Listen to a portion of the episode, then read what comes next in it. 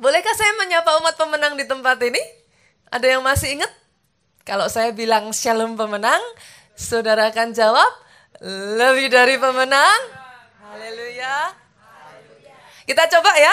Shalom pemenang, lebih dari pemenang. Tepuk tangannya yang paling meriah buat Yesus Tuhan kita. Tadi pagi saya nggak sempat lihat kiri, lihat kanan ini saudaraku. Ini bapak ibu di depan, ini baru pertama kali atau udah pernah? Oh baru bener ya. Berarti kita kasih tepuk tangan. Wow, tinggalnya di daerah sini. Oh enggak. Udah jauh banget. Wow, luar biasa. Coba senggol kiri kanan. Kalau Jakarta Selatan aja datang jauh-jauh. Apalagi saudara gitu saudaraku. saya tuh senangnya kalau di Saint Moritz ya begini loh saudara. Tadi saya ketemu juga ya. Jauh-jauh dari Bandung loh. WL kita yang ada di Bandung sampai datang ke Jakarta. Kita kasih tepuk tangan juga. Wow. Saya tuh paling senang dengan keluarga Allah saudaraku adalah di mana pun kita pergi. Ketemu lagi sama keluarga. Jadi jauh-jauh nanti besok saudaraku saya akan pergi ke kota Solo. Karena minggu depan justru beberapa waktu ini saya ada di Jakarta. Karena saya selalu mengatakan Jakarta at its best. Itu justru waktu lebaran saudaraku. Jadi kalau saudara waktunya lebaran meninggalkan Jakarta, saudara miss the best moment di Jakarta ini. Saya biasanya dari Puri, saudara, kalau pergi ke Jakarta Pusat kemarin ya, kita makan-makan ya Bu Farida sama Pak Len ya.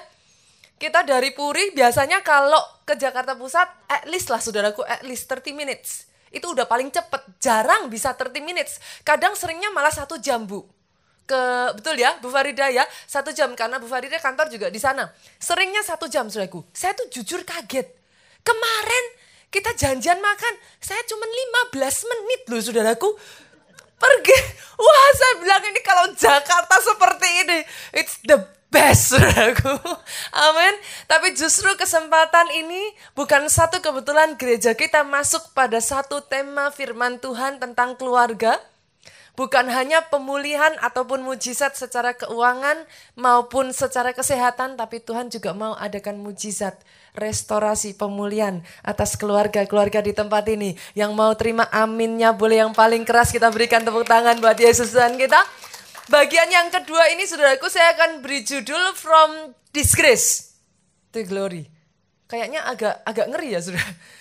Bahasa Indonesianya itu dari aib pada kemuliaan. Tapi apa yang ingin saya sampaikan di sini saudaraku, aib itu berbicara tentang sesuatu yang kalau boleh kita katakan itu apa ya celah ya Pak ya.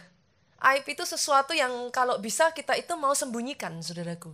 Sesuatu yang kita nggak mau orang lain tahu. Dan kalau itu sampai diketahui orang lain Bu, sering kali itu mendatangkan rasa malu lah untuk keluarga. Tapi jujur saudara kalau kita mau akui setiap keluarga itu punya aibnya sendiri-sendiri. Dari yang paling sederhana. Bolehkah saya mengatakan I don't know. Bagi saya yang namanya keluarga itu can be complicated. Betul ya? Saya nggak tahu bagaimana dengan saudara, tapi yang namanya keluarga itu saudaraku unik, saudara. Dan tiap tiap tiap keluarga itu berbeda-beda. Jadi dari yang paling sederhana, pertikaian antara saudara. Tapi juga bisa jadi kadang berlanjut saudaraku. Saya berjumpa dengan keluarga-keluarga yang kadangkala bahkan maaf kata Pak sampai berebut pembagian warisan. Saya yakin itu sesuatu yang apabila orang tua masih hidup itu akan sangat menyedihkan ya Bu ya. Tapi kadangkala juga ada keluarga-keluarga saudaraku, saya tahu, saya kenal keluarga-keluarga yang kondisinya bangkrut. Tapi itu menjadi satu aib yang sangat disembunyikan. Kebangkrutan saudaraku bisa menjadi sesuatu yang kadangkala saudaraku menyesakkan. Ada keluarga-keluarga juga Bu yang memang saya tahu mengalami Papa mamanya adalah orang-orang yang diurapi Tuhan, orang-orang yang baik. Tapi anaknya mungkin terlibat dalam narkoba. Dan saya yakin itu sesuatu yang sangat menyesakan. Tapi izinkan saya mengatakan ini saudaraku, yang saya takjub adalah Tuhan kita, sesuatu yang bagi kita aib itu adalah sesuatu yang disembunyikan Pak. Tapi ajaibnya Tuhan kita saudaraku, aib itu dibeberkan Bu. Bahkan lucu kan? Coba saudara baca di dalam Alkitab saudara.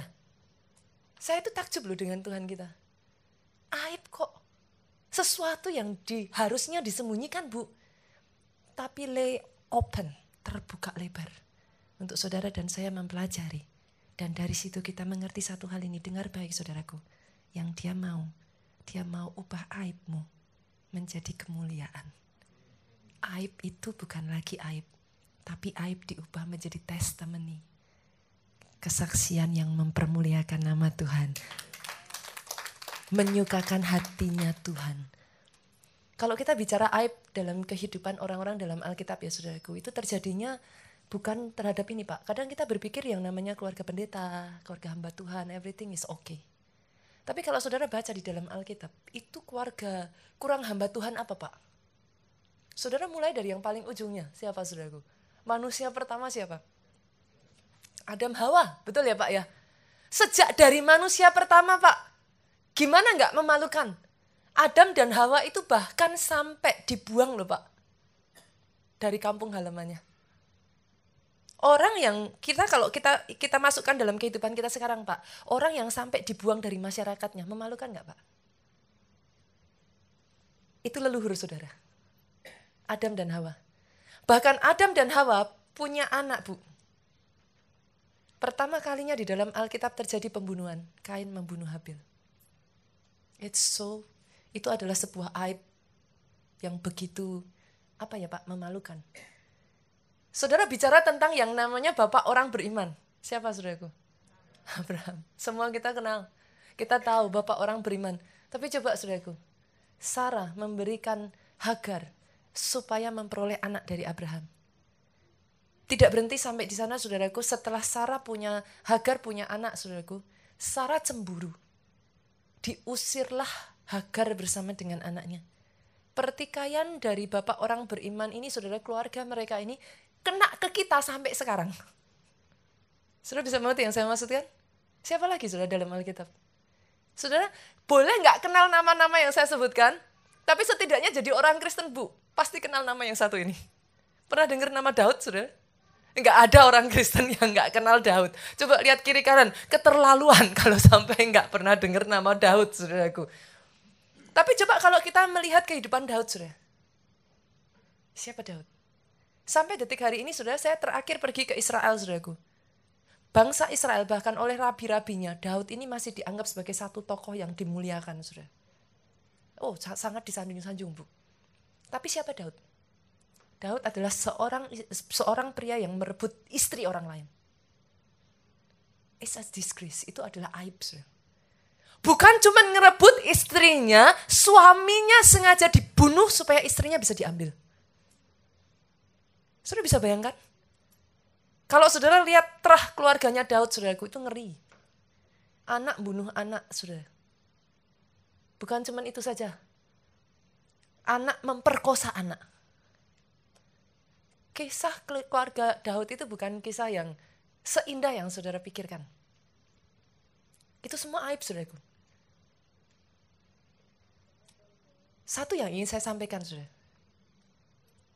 Kalau semua itu bisa terjadi dalam kehidupan bahkan orang-orang pilihannya Tuhan. Bolehkah saya katakan ini saudaraku? Kalau saat ini ada di antara saudara yang mengalami semuanya itu, saya nggak tahu apa yang kau alami. Tapi kalau ada di antara saudara yang mengalami ini, dengar baik. Jangan putus asa that's not the end of your life. Karena Tuhan sanggup dan bukan hanya dia sanggup bu, tapi dia mau mengubahkan yang namanya aib. Luka itu menjadi kesaksian dalam kehidupan saudara. Hari ini langkah yang perlu kita lakukan datang pada Tuhan. Dia satu-satunya jawaban dalam kehidupan kita. Kalau kita mau datang kepada Tuhan, saudaraku, ada jalan untuk dipulihkan. Kenapa saudara? Satu aib kalau nggak dibereskan, menuntun pada luka berikutnya. Betul saudaraku? Satu luka, bu kalau nggak dibereskan, suka tidak suka, pasti akan menimbulkan luka yang jauh lebih parah lagi. Seperti yang saya sebutkan, sudah masih ingat kehidupan Absalon? Siapa Absalon? Ada yang tahu Absalom? Halo? Ada? Siapa pak? Wow, anaknya Daud saudaraku. Tahukah saudara Absalom ini Tadinya saudaraku, ini anak yang digadang-gadangkan jadi penerusnya Daud. Saudara. Ini putra mahkota, Bu. Dan yang amazingnya dari Absalom, sebenarnya bukan Salomo yang akan menjadi raja. Tapi Absalom. Dia anak yang bisa dikatakan Pak, perfect. Dari perawaan, Alkitab mencatat, Absalom itu nggak punya celah, sudah. Orang lewat, itu mungkin cewek-cewek udah langsung, apa sudah? Kelepek-kelepek gitu, sudah. Langsung pingsan, sudah. Absalom itu kalau saudara lihat di di kalau zaman sekarang tuh apa sih? Yang anak-anak muda zaman sekarang yang yang yang apa anak-anak remaja zaman sekarang sukanya apa?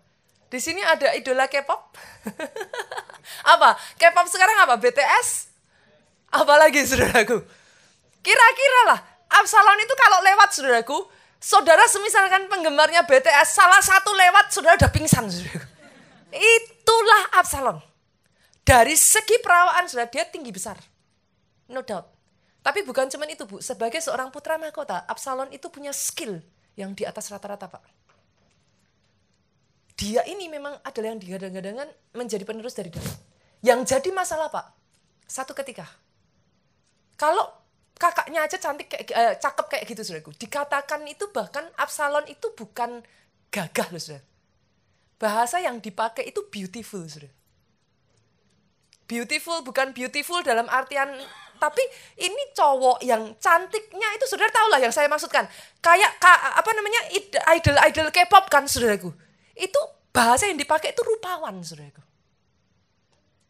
Jadi dia itu memang memang elok saudara wajahnya. Kalau saudara bisa bayangkan kalau kakaknya aja cakep kayak gitu. Dia punya adik perempuan, kira-kira kayak apa saudara? Cantik. Sayangnya salah satu anaknya Daud yang bernama Amnon jatuh cinta sama adiknya Absalom. Dia nggak bisa tahan, saudaraku, diperkosalah Tamar.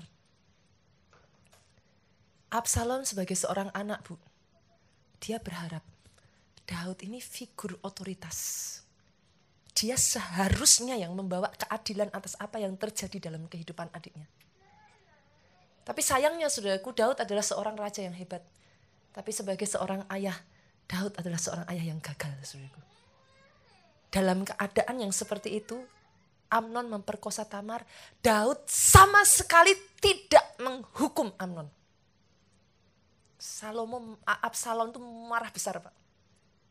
Dia pendam rasa dendamnya yang begitu rupa ini saudaraku. Sampai di satu titik dia tunggu waktu yang tepat. Dia bunuh Amnon saudara. Itu luka yang ada di dalam hati Absalom saudara bisa bayangkan seperti apa saudaraku. Nggak cukup sampai di situ saudaraku. Dia bunuh Amnon, dia lari saudara. Tiga tahun dia pergi dari kerajaan Daud. Sekali lagi saudaraku. Sebagai seorang ayah, Daud membuktikan dirinya gagal total. Absalom membunuh Amnon saudaraku. Apa yang Daud lakukan? Nothing. Daud biarkan. Let it slide. Alkitab mengatakan apa saudaraku? Lebih baik teguran yang nyata daripada kasih yang tersembunyi. Sebagai orang tua, halo. Disiplin tidak sering kali kita hanya mengasihi anak kita. Anak-anak harus didisiplin, saudaraku. Akibat Daud gagal mendisiplin anaknya ini, saudaraku. Absalom lari tiga tahun. Daud keep silent, saudara. Dia sama sekali tidak berbicara dengan Absalom. Sampai datang Yoab. Yoab ini jenderal perangnya dia. Dia ngomong sama Daud. Sampai berapa lama sih Daud? Kamu mau biarin Absalom Udahlah tarik, panggil pulang. Sudah apa yang Daud lakukan? Dipanggil pulang Absalom, didiemin. Speak nothing.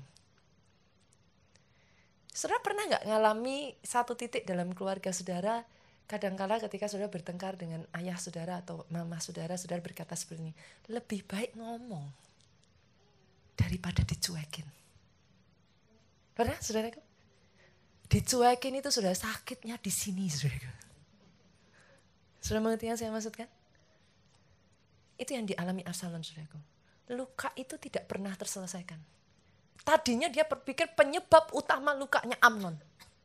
Tapi setelah dia bunuh Amnon, luka itu semakin dia rasakan, dia langsung menyebabkan dia berpikir, penyebabnya bukan Amnon, Daud. Karena papaku tidak melakukan sesuatu. Papaku papa yang tidak adil. Papaku papa yang tidak bisa dipercaya. Sudah tahu apa yang dia lakukan?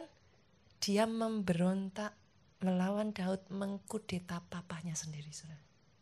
Itu Absalom. Dia nggak perlu mengkudeta.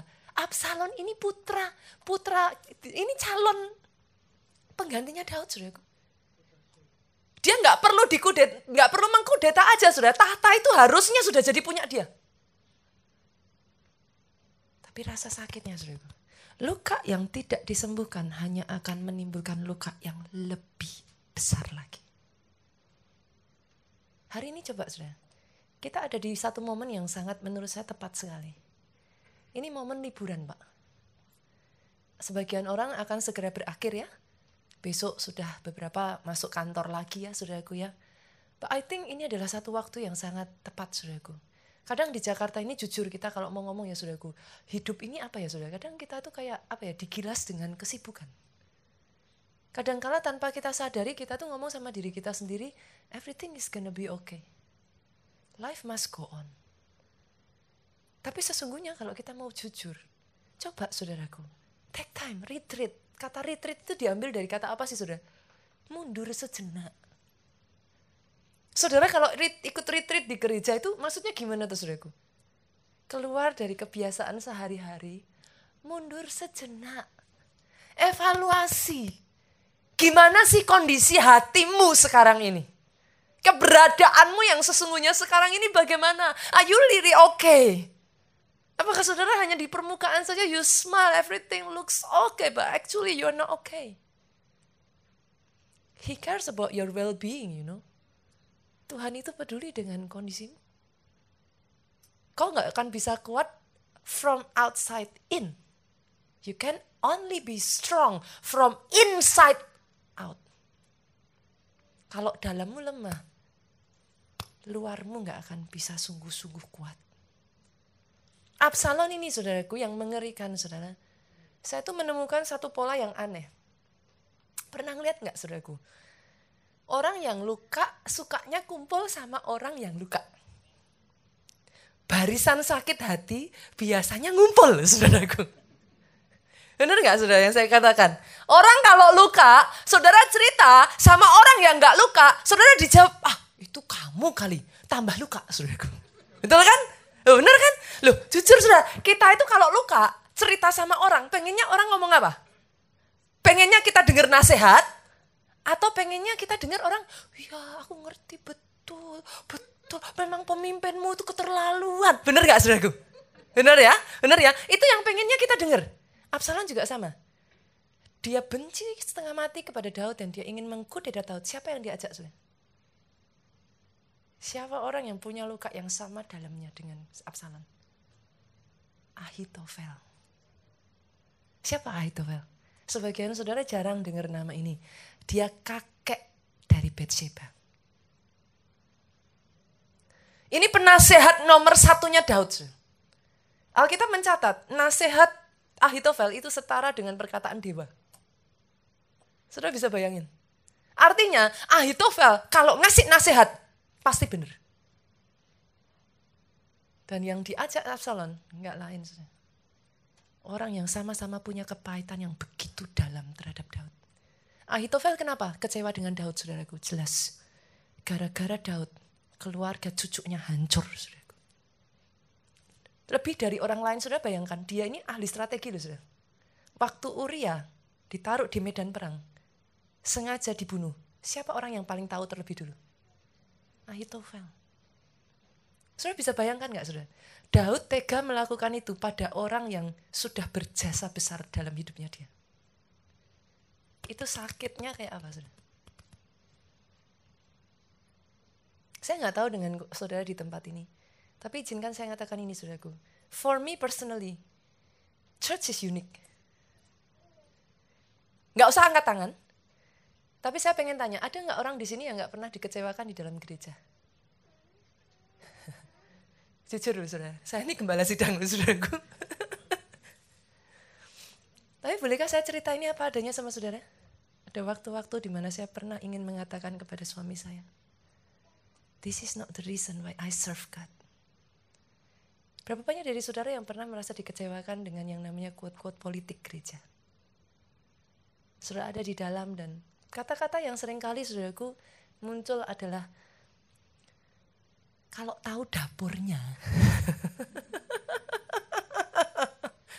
Bener saudaraku? Kan? Berapa banyak saya berjumpa dengan orang-orang di Jakarta ini yang jujur kata, sukanya akhirnya menciptakan gereja sendiri. Apa gerejanya? GKJJ. Gereja Kristen jalan-jalan. Kalau nggak ke gereja, merasa bersalah. Tapi ke gereja kok dari satu gereja ke gereja berikutnya kok ngecewain. Akhirnya saudaraku, ya saya berjumpa dengan banyak orang Kristen yang nggak mau pelayanan. Diajak pelayanan, nanti kalau dikorek, punya korek, punya korek, punya korek, saudaraku, akan ketemu pasti. Pernah ada sakit hati. Pelayanan justru membuat sakit hati. Bolehkah saya berkata seperti ini kepada saudara? Sama seperti kita tidak sempurna, tidak ada satu gereja pun yang sempurna. Kalau sampai ada gereja yang sempurna, saudaraku, rasanya kita masuk jadi nggak sempurna, saudaraku. Yang mengerti katakan amin. Itu sebabnya hari ini saudara yang Tuhan mau atas kehidupan kita. Keluarga itu dimulai dari saudara dan saya. Saudaralah keluarga, sayalah keluarga. Keluarga yang sehat dimulai dari anggota keluarganya harus sehat di hadapan Tuhan. Kalau tidak dipulihkan, keluarga bisa hancur. Absalom ini saudaraku, dengan nasihat Haitofel hampir berhasil mengkutita Daud sudah. Daud sudah lari kok. Daud sudah lari. Kerajaan itu sudah dipegang sama Absalom sudah. Dari tindakan Absalom saudara tahu. Sakit hatinya itu pak. Kayak apa sudah? Kali pertama Absalom menguasai istana. Saya waktu membaca itu saudaraku sampai detik hari ini. Itu sesuatu yang bahkan oleh bangsa kita pun berusaha untuk ditutupi, dikubur saudaraku. Tapi Alkitab itu membuka lebar saudara. Pertama kali Absalom berhasil pak menguasai istana Daud. Dia memperkosa gundik-gundik Daud di depan semua bangsa Israel saudara. Saudara bisa melihat? Apa yang dilakukan kepada adiknya di tempat tersembunyi. Dia lakukan kepada istri Daud di depan seluruh bangsa. Itu lukanya kayak apa, saudara? Itu sakit dalam dirinya dia itu seperti apa, saudara? Kadangkala orang kalau sudah, saudara mungkin berpikir, saudaraku, kok bisa ya Absalom sampai kayak gitu ya?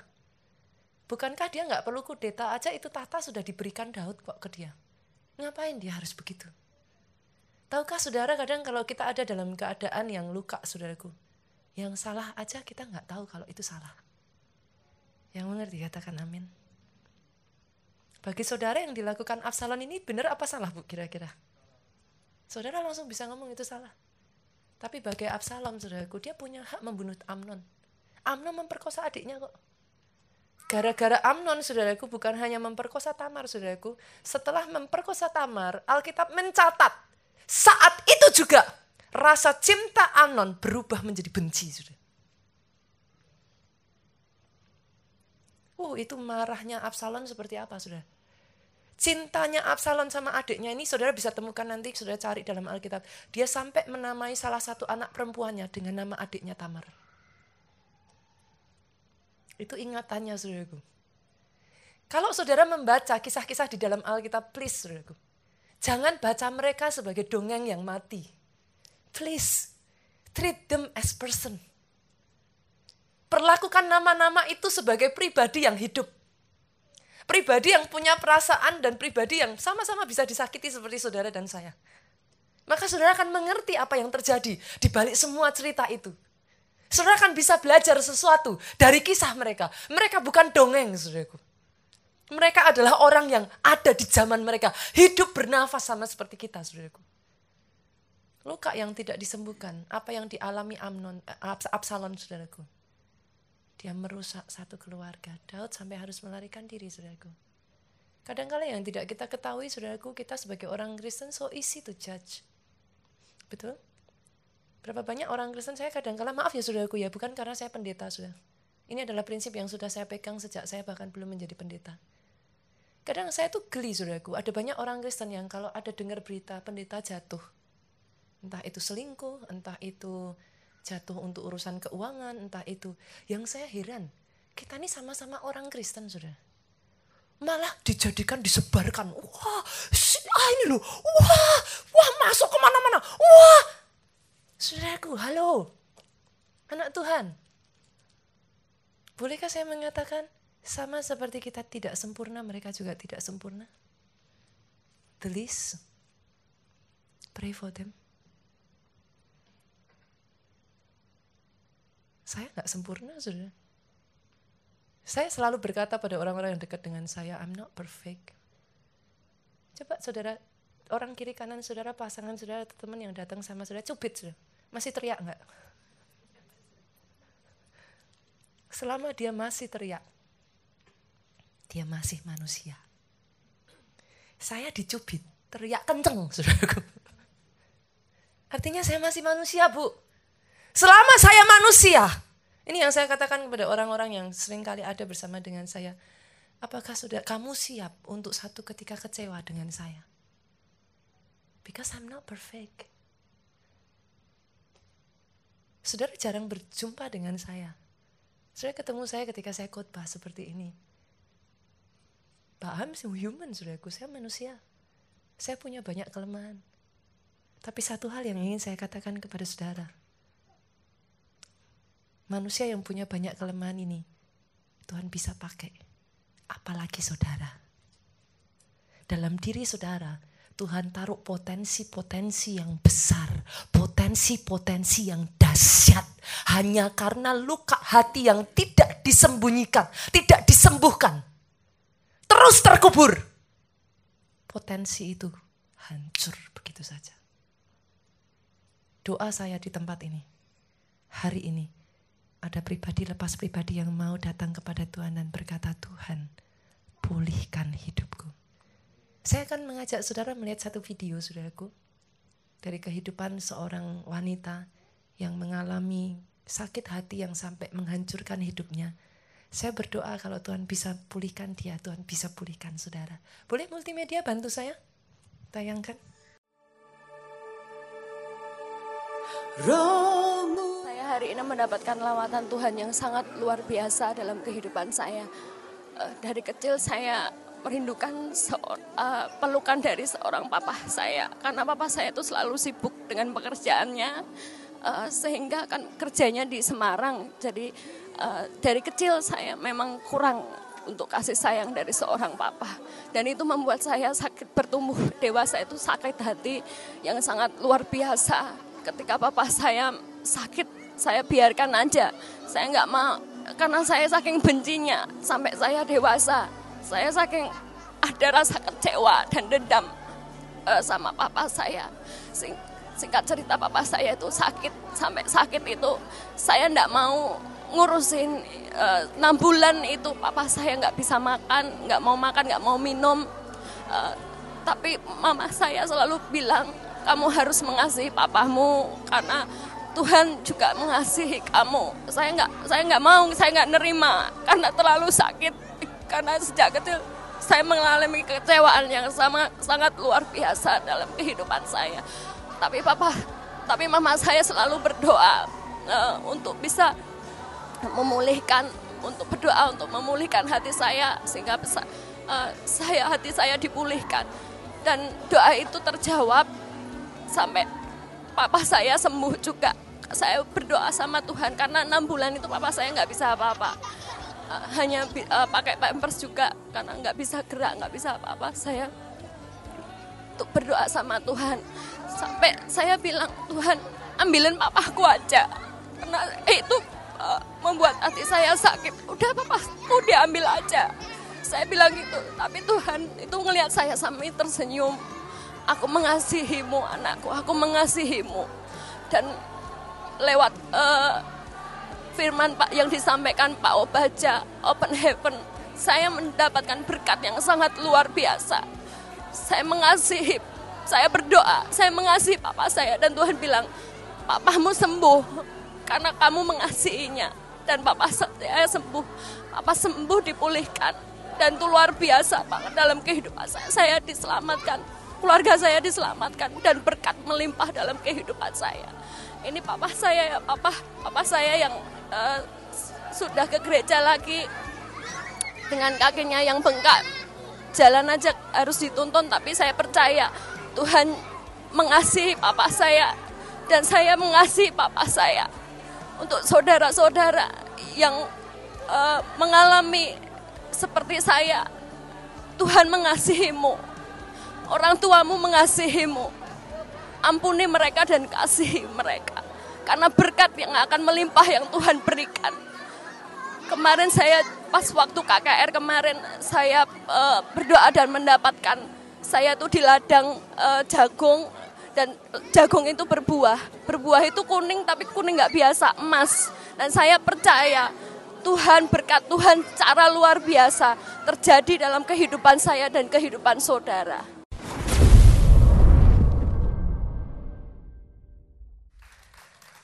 Saudara tadi ketika mendengar kesaksian tadi, saudara melihat yang sebelum dia bercerita bahwa itu papahnya, saudara lihat wajahnya nggak, saudara? Tahukah saudara ketika seseorang itu merasa disakiti, saudaraku? Inilah yang namanya bagi saya ya, saudaraku, labirinnya iblis ya. Baik orang yang disakiti bu maupun orang yang menyakiti, dua-duanya sama-sama sakit. Sudah pernah ketemu nggak saudaraku orang yang merasa marah dengan orang tuanya karena abusif. Ketika dia masih kecil saudaraku, ada orang-orang yang saya berjumpa saudaraku, pada saat masih kecil papahnya itu kalau menghukum saudaraku, kebetulan papahnya seorang tentara saudara. Papahnya kalau menghukum saudara, anak itu dilucuti saudaraku, sama-sama sama sekali nggak pakai baju. Dibiarkan di kebun apa namanya di halaman saudaraku. Dan cara papanya menghukum saudara anak itu akan diikat pakai sabuk ikat pinggangnya saudaraku. Diikat di atas pohon dan dicambuk saudara. Ketika anak itu mengalami luka seperti itu saudaraku dia berjanji dalam hatinya I will not gonna be like my father. Aku tidak akan nanti kalau suatu hari aku menjadi seorang ayah, aku tidak akan menjadi seorang ayah yang seperti ayahku ini. Tapi coba saudara lihat cerita berlanjut. Berapa banyak kesaksian cerita yang seperti itu berbuah akhirnya. Anak yang pernah berkata bahwa I'm not gonna be like my father, end up being like his father. Saya pernah membaca satu kisah saudaraku, seorang ibu yang mengalami saudaraku perdagangan. Jadi ketika dia hamil, saudara dia diculik. Dia melahirkan anaknya dan anaknya dijual, saudaraku. Tahukah saudara, itu pengalaman yang sangat pahit ya saudaraku. Di pola pikir kita, jujur bu, kalau sampai ibu ini sudah pernah mengalami seperti itu menurut saudara lo. Seharusnya kan nggak mungkin dia jadi orang yang menjual anak kan saudaraku. Saudara mengerti yang saya maksudkan? Tapi anehnya saudaraku dia end up justru menjadi komplotan dalam penjualan perdagangan manusia ini.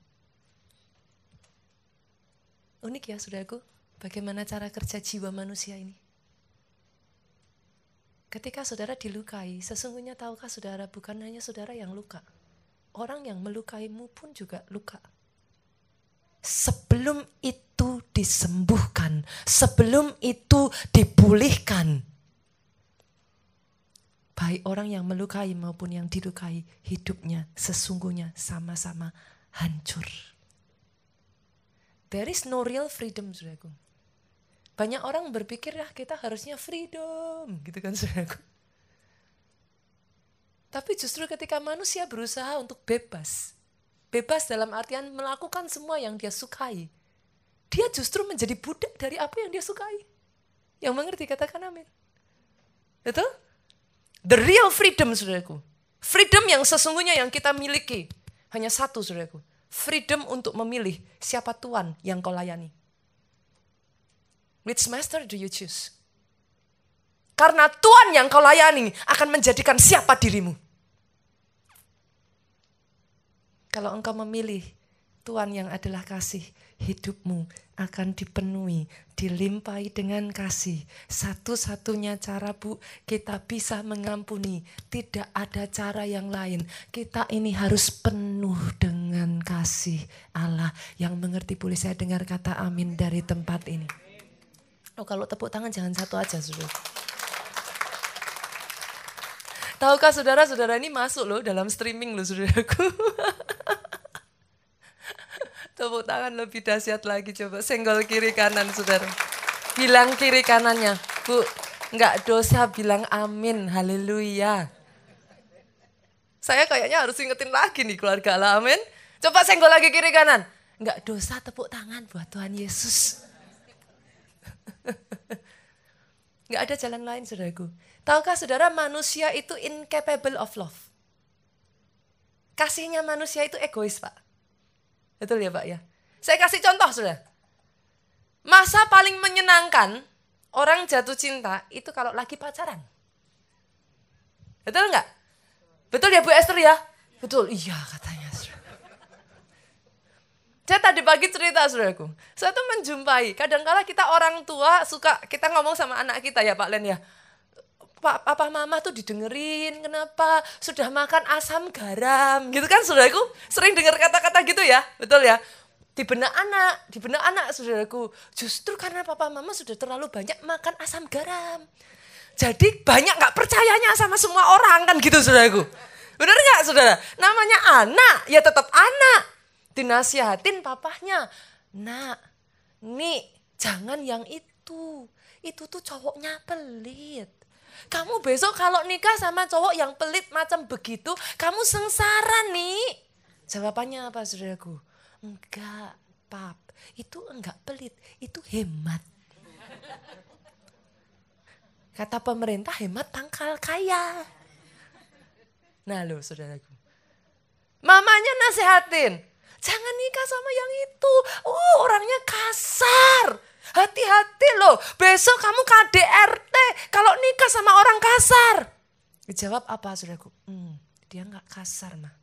Dia itu karismatik, berwibawa dan tegas. Habis kan saudaraku? Mau gimana?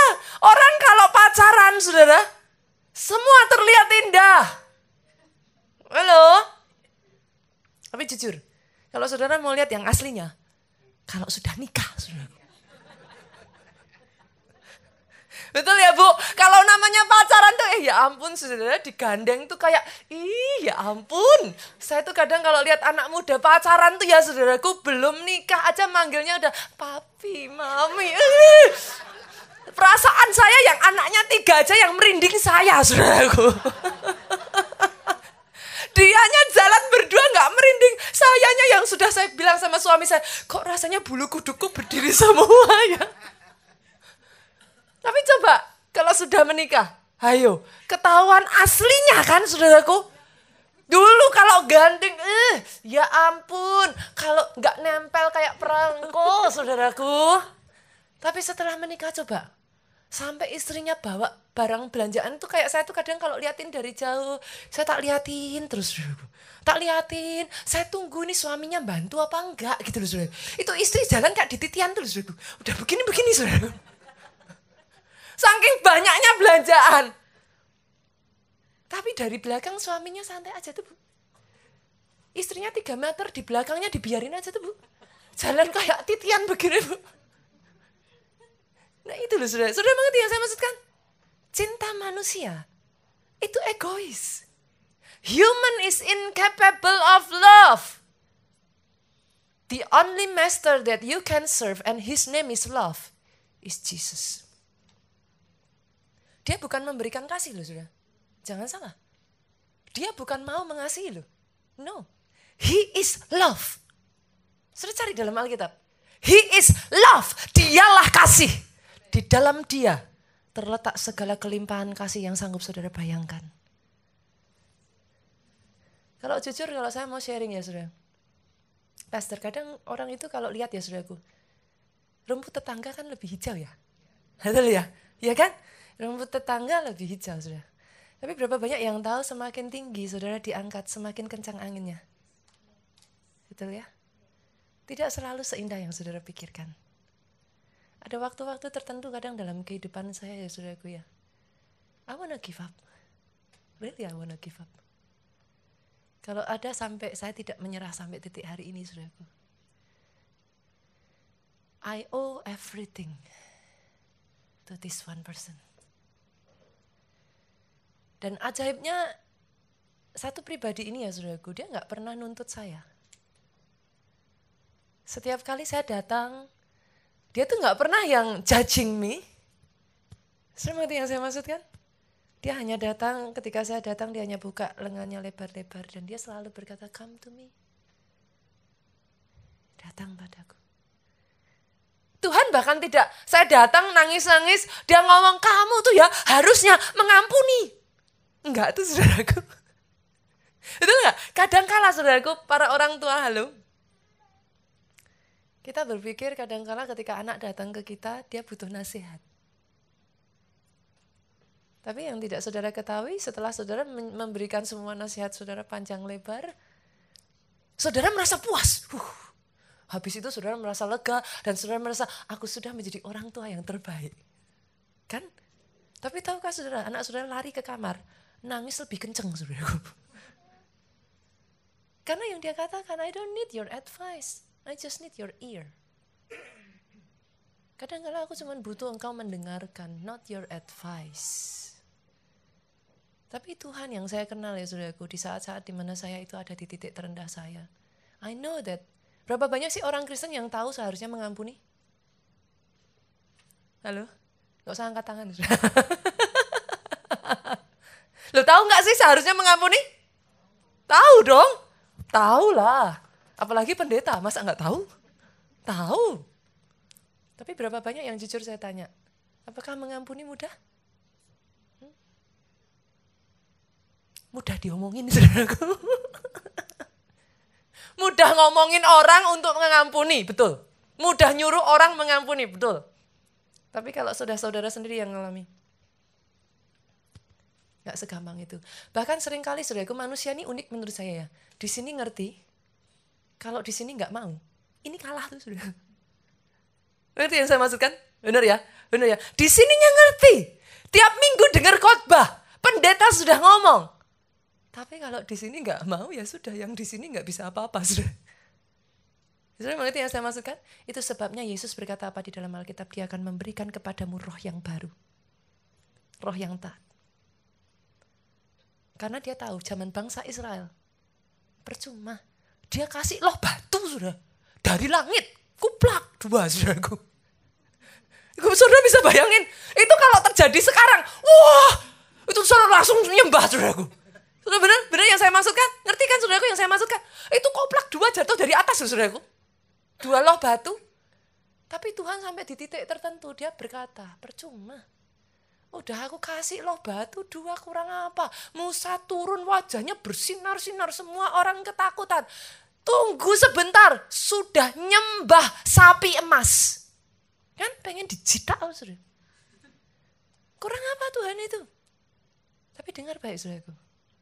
Tuhan tahu. Itu sebabnya dia berkata apa? Ku berikan kepadamu hati yang baru. Hari ini doa saya saudaraku. Dari tempat ini yang dia rindukan dari saudara, just come to him. Dia nggak menuntut saudara yang lain.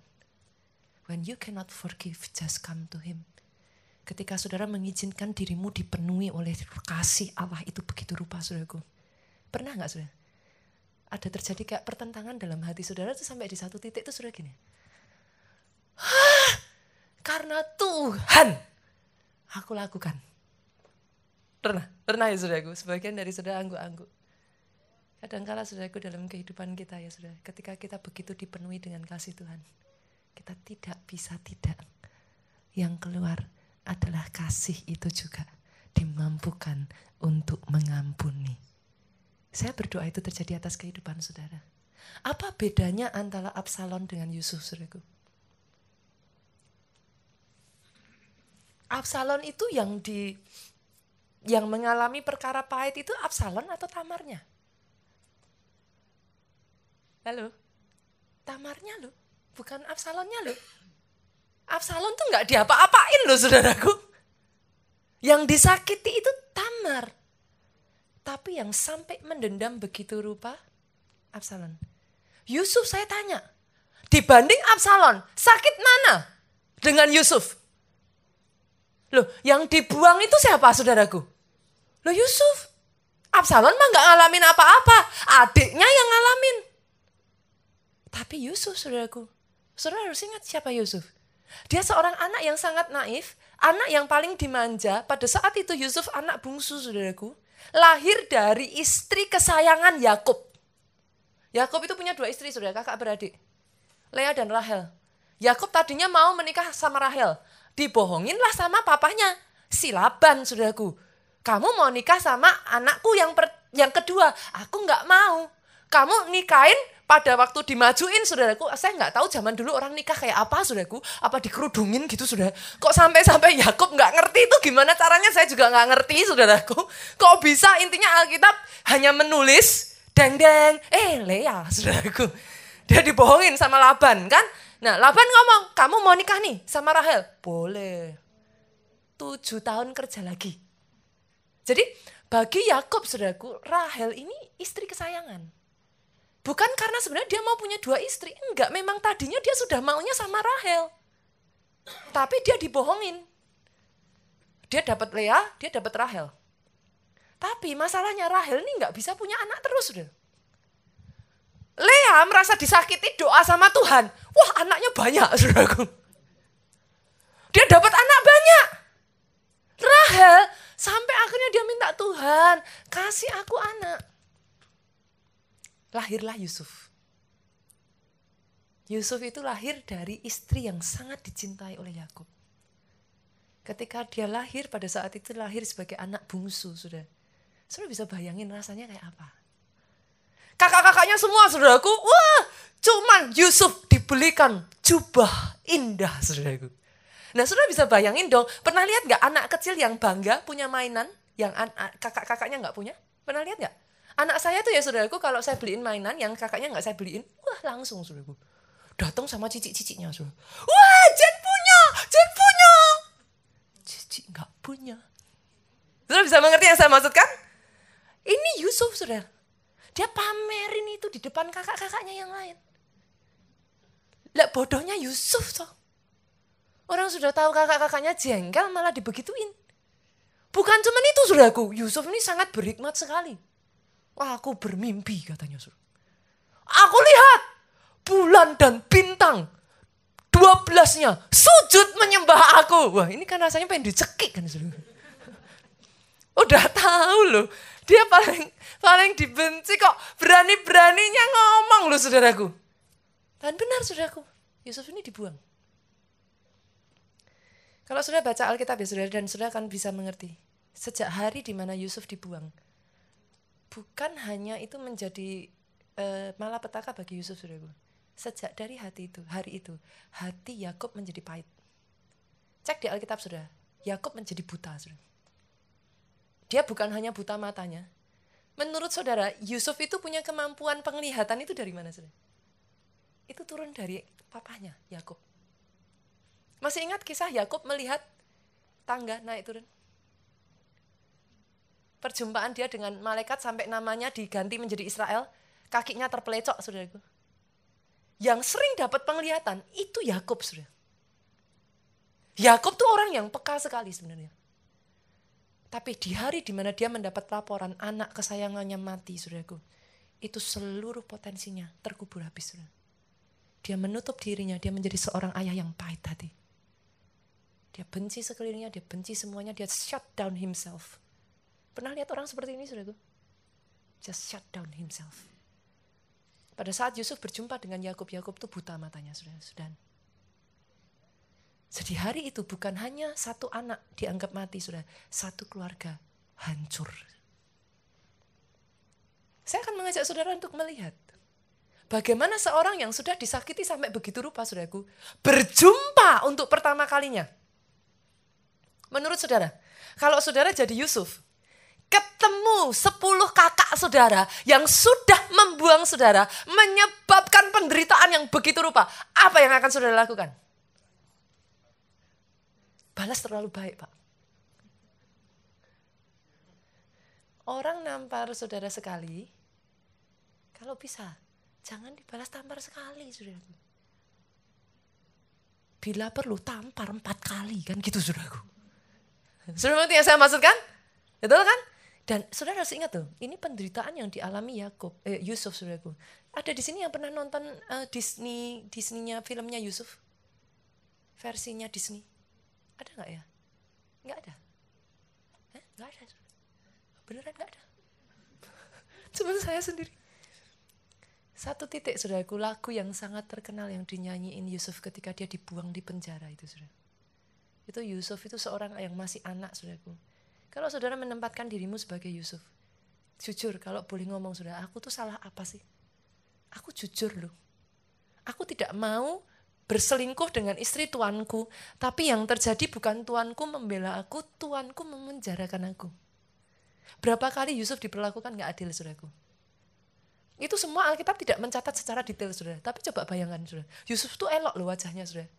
Kalau istrinya Potifar aja naksir, naksir loh, saudaraku. Loh sudah bayangin aja, ini istri bosnya naksir loh. Apa orang di sekelilingnya nggak ada yang naksir dia? Apa yang terjadi dalam kehidupan Yusuf itu tidak digambarkan dengan detail, tapi hidup Yusuf pasti sangat menderita, sudah. Dari seorang anak yang menari-nari, anak yang sangat dimanjakan, anak kesayangan, saudaraku, berubah total hidupnya. Kita baca yuk, kejadian 42. Apa yang terjadi ketika pertama kali Yusuf berjumpa kembali dengan 10 kakak-kakaknya? Bantu saya ya saudaraku agak panjang. Kita baca pasal 42 ayat 14 sampai 25. 14 saya baca, saudara baca 15, kita bergantian. Lalu kata Yusuf kepada mereka, Sudahlah, seperti telah kukatakan kepadamu tadi. Coba, saudara lihat baik-baik, coba. Dia ketemu saudaranya, menurut saudara, Yusuf lupa, sok lupa, atau apa saudara? Kenal nggak sih sama saudaranya? Disebutnya apa sama Yusuf nih? Kamu ini pengintai. Ayat 15 dengan suara kelas 23.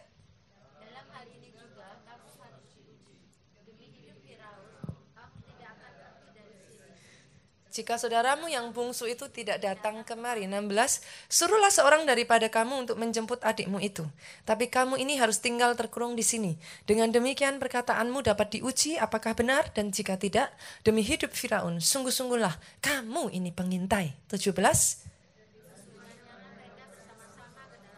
Dimasukin mana sudah? Tahanan tuh bahasanya halus, di penjara sudah. Dimasukin penjara. Menurut saudara sampai di sini aja, saudara bisa melihat gak? Hatinya Yusuf tuh gimana? Apakah Yusuf sesuci itu? Sudah bisa mengampuni? Loh ini Yusuf tuh kalau bisa ngomong ya saudaraku, uh, dia itu pergumulan di hatinya sudah. Dia tuduh kakak-kakaknya pengintai saudaraku. Dia masukkan mereka dalam penjara, dia buat hidup mereka sukar, saudaraku. Satu-satunya yang dikangenin oleh ya Yusuf, saudaraku, dan dia pengen ketemu adiknya dari mamah yang sama. Siapa? Benjamin. Benjamin gak ikut pada saat ini. Itu yang dia kejar. Mana Benjamin? Itu satu-satunya saudara-saudara dengan dia yang lahir dari ibu yang sama. Setelah Benjamin lahir, Rahel meninggal. Saudara. Jadi bagi Saudara bisa bayangin, bagi Yakub dua anak ini, ini anak kesayangannya saudara.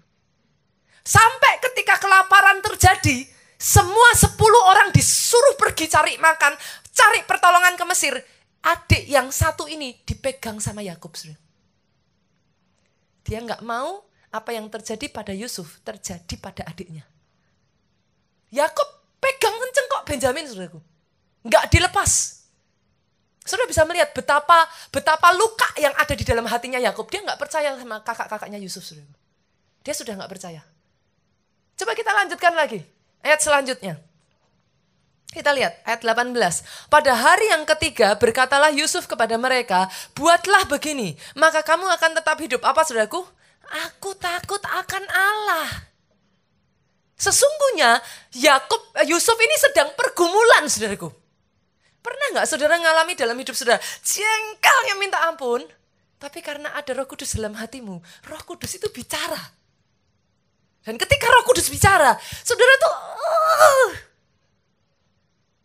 kalau nggak Tuhan, nggak akan aku lakuin. Pernah ngalami yang saya sebutkan ini saudaraku?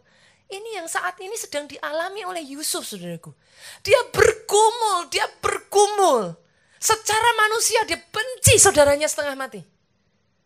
Tapi dia ingat Tuhannya.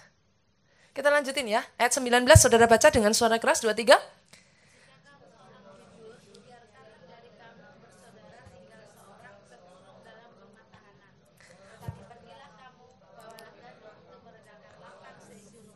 Tetapi saudaramu yang bungsu itu haruslah kamu bawa kepadaku, supaya perkataanmu itu ternyata benar dan kamu jangan mati.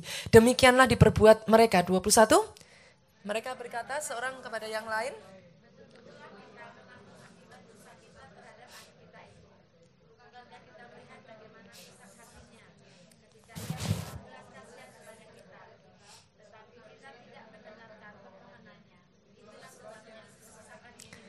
Sudah lihat?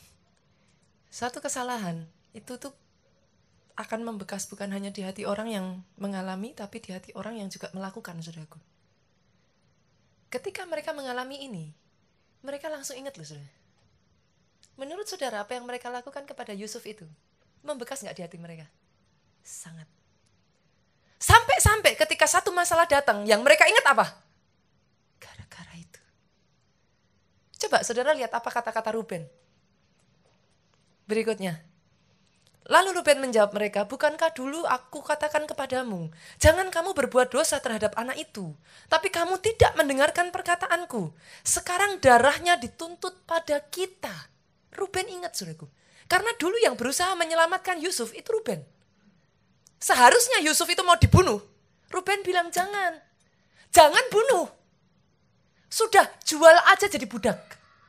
Tujuan Ruben sebenarnya dia berusaha menyelamatkan Yusuf. Tapi sudah tidak bisa lagi, saudaraku. Kita lanjutkan, kita lanjutkan. 23. Tapi mereka tidak tahu sebab mereka memakai seorang juru bahasa. Yusuf ini masih posisi pura-pura, saudaraku. Mereka nggak tahu kalau Yusuf itu adiknya. Dia pura-pura karena dia menjadi seorang perdana menteri. 24. Maka Yusuf mengundurkan diri dari mereka lalu apa? Menangis. Yusuf itu hancur hati saudaraku. Kemudian ia kembali kepada mereka dan berkata kepada mereka, ia mengambil Simeon dari antara mereka, lalu disuruh belenggu di depan mata mereka. Sesudah itu bersama yuk 25, Yusuf memerintahkan bahwa tempat gandum mereka akan diisi dengan gandum bahwa uang mereka masing-masing akan dikembalikan ke dalam karungnya, serta bekal mereka di jalan akan diberikan kepada mereka. Demikianlah dilakukan kepada orang kepada mereka itu. Ini peperangan batin, sudah. Dalam hidup kita, kita ini pasti pernah mengalami yang namanya peperangan batin, Pak. Diampuni enggak ya? Diampuni kok sudah kebangetan, udah keterlaluan. Enggak diampuni kok aku kesalahan sama Tuhan. Pernah ya saudaraku ya, ngalami seperti itu ya. Tapi coba kita lihat ayat 42 Yusuf bergumul. Ajaibnya saudaraku. Di ayat eh, di pasal 45 kita lihat yuk. Pasal 45. Pasal 45 ayatnya yang pertama dari multimedia ada nggak ya? Ayat pertama dulu. Oke. Dua, tiga. Ketika itu, apa sudah? Yusuf tidak dapat menahan hatinya lagi. Dia udah tidak kuat, saudaraku. Orang yang hidupnya mengizinkan hidupnya dipenuhi kasih Tuhan. Sampai titik tertentu, saudara tidak bisa tidak harus melakukan kehendaknya Tuhan yang mengerti, katakan amin. Yang membuat saya takjub, saudaraku, bukan ini. Saudara harus mengerti, Yusuf itu tinggal di zaman perjanjian lama loh. Hukumnya perjanjian lama itu gimana, Bu? Mata ganti mata. Gigi ganti gigi, saudara. Jadi yang dilakukan Yusuf ini nggak wajar, saudara. Dan harus saya katakan kepada saudara, kita zaman sekarang ini masih enak. Saudara punya roh kudus. Loh. Betul? Zaman itu roh kudus belum dicurahkan. Sebagian saudaraku, para peneliti Alkitab mengatakan Yusuf ini melambangkan resemblance dari pribadi Yesus sendiri, saudara. Karena namanya perjanjian lama, seseorang melakukan seperti ini, itu nggak ada, saudaraku. Nggak ada, nggak ada hukumnya. Yusuf bahkan diharapkan menghukum saudara-saudaranya. Tapi yang membuat saya takjub, saudaraku, coba saudara lihat, apa yang Yusuf lakukan. Kita baca pasalnya yang ke-45, saudara. Despite semua yang sudah saudaranya lakukan kepada dia, kita baca aja langsung lompat saudaraku. Yusuf panggil saudara-saudaranya, ditutup saudara, semua apa, pengawalnya suruh minggir. Dia nangis keras-keras saudaraku, dia mengatakan aku Yusuf. Nah, dia suruh saudaranya mendekat. Coba kita perhatikan saudaraku. Ayat yang keempat. Saya baca kita bergantian sampai ayatnya yang kelima. Lalu kata Yusuf kepada saudara-saudaranya itu, marilah dekat. Maka mendekatlah mereka, katanya lagi, akulah Yusuf. Saudaramu yang kamu jual ke Mesir. Itu kira-kira kalau saudara jadi kakak-kakaknya Yusuf gimana saudara? Deng, deng, deng, deng. Ini, ini, ini klimaksnya saudaraku. Ini waktu di mana kalau saya jadi kakak-kakaknya Yusuf, ah itu sudah istilahnya benar-benar mereka ketakutan sudah. Tapi coba apa yang Yusuf katakan ayat 5 bersama-sama 2 3. Tetapi sekarang janganlah bersusah hati dan janganlah menyesali diri. Karena kamu menjual aku ke sini. Sebab untuk memelihara kehidupanlah Allah menyuruh aku mendahului kamu. Wow. Wow. Ini bagi saya unbelievable, saudaraku. Bukan hanya itu saja, saudara. Kalau saudara nanti baca lebih lanjutnya ya. Yusuf itu kasih mereka tanah yang istimewa. Diberkati keluarganya luar biasa, saudaraku he goes beyond. Dia bukan hanya mengampuni, bukan hanya nggak mempenjarakan, bukan hanya memberkati mereka saja. Dia settle down, dia buatkan tempat untuk saudara-saudaranya yang terbaik, saudaraku. Diberikan semua kepada mereka. Apa pesan dari apa yang kita baca ini, saudaraku? Apa yang kita pelajari dari kisah Yusuf ini? Kadang kala saudaraku dalam kehidupan kita, kita itu nggak nggak ngerti, saudara tapi tahukah saudara, satu persatu dari saudara di tempat ini bagian dari pasal besarnya Tuhan. Saudara itu bagian dari satu mahakaryanya Tuhan. Satu persatu dari saudara itu punya tempat. Kalau saat itu Yusuf tidak mengampuni saudara-saudaranya, coba saudara pikirkan, itu Israel hilang loh saudara dari peradaban. 12 suku hilang itu. Itu tinggal satu suku doang babat habis semua suku yang lain. Paling yang dia sisakan Benjamin. Jadi tinggal dua suku, sudah. Tapi karena Yusuf berbesar hati mengampuni saudara-saudaranya, janji Tuhan atas bangsa Israel digenapi melalui kedua belas suku itu, saudaraku. Berdirilah bangsa Israel. Kadangkala ada hal-hal yang Tuhan izinkan terjadi dalam kehidupanmu, saudaraku. Kita mungkin nggak ngerti. Sakit, rasanya kayak nggak enak. Tapi tahukah saudara kalau saudara izinkan Tuhan mengerjakan sampai akhir, sesungguhnya dia akan mengerjakannya untuk mendatangkan kebaikan bagi orang-orang yang mengasihi dia. Boleh saya dengar tepuk tangannya yang paling meriah buat Yesus Tuhan kita? Jangan mengambil kesimpulan ketika semua itu belum selesai. Yang mengerti katakan amin. Itu sebabnya hari ini sudah kubuka hati kita lebar-lebar. Izinkan dia mengisi hidup kita dengan kasihnya, saudara. Coba kita baca ayatnya. Saya undang pemain musik maju ke depan. Kita lihat satu Yohanes, saudaraku, pasalnya yang keempat. Ayatnya yang ke-19. Apa yang membuat kita ini bisa mengampuni, saudara? 1 Yohanes 4:19 kita baca dengan suara keras 23. Kita mengasihi karena Allah lebih dulu mengasihi kita. Belum keluar ya multimedianya ya. Saya bacakan aja kepada saudara. Kita mengasihi karena Allah lebih dulu mengasihi kita, saudaraku. Dan kalau saudara melihat ayatnya yang ke-20, kalau saudara berkata, Pastor, tapi kalau aku diperlakukan dengan gak adil gimana? Kalau suamiku tidak baik gimana? Kalau anakku kurang ajar gimana? Coba saudara lihat saudara. Ini ayat ayat 20 ini agak nggak enak saudara.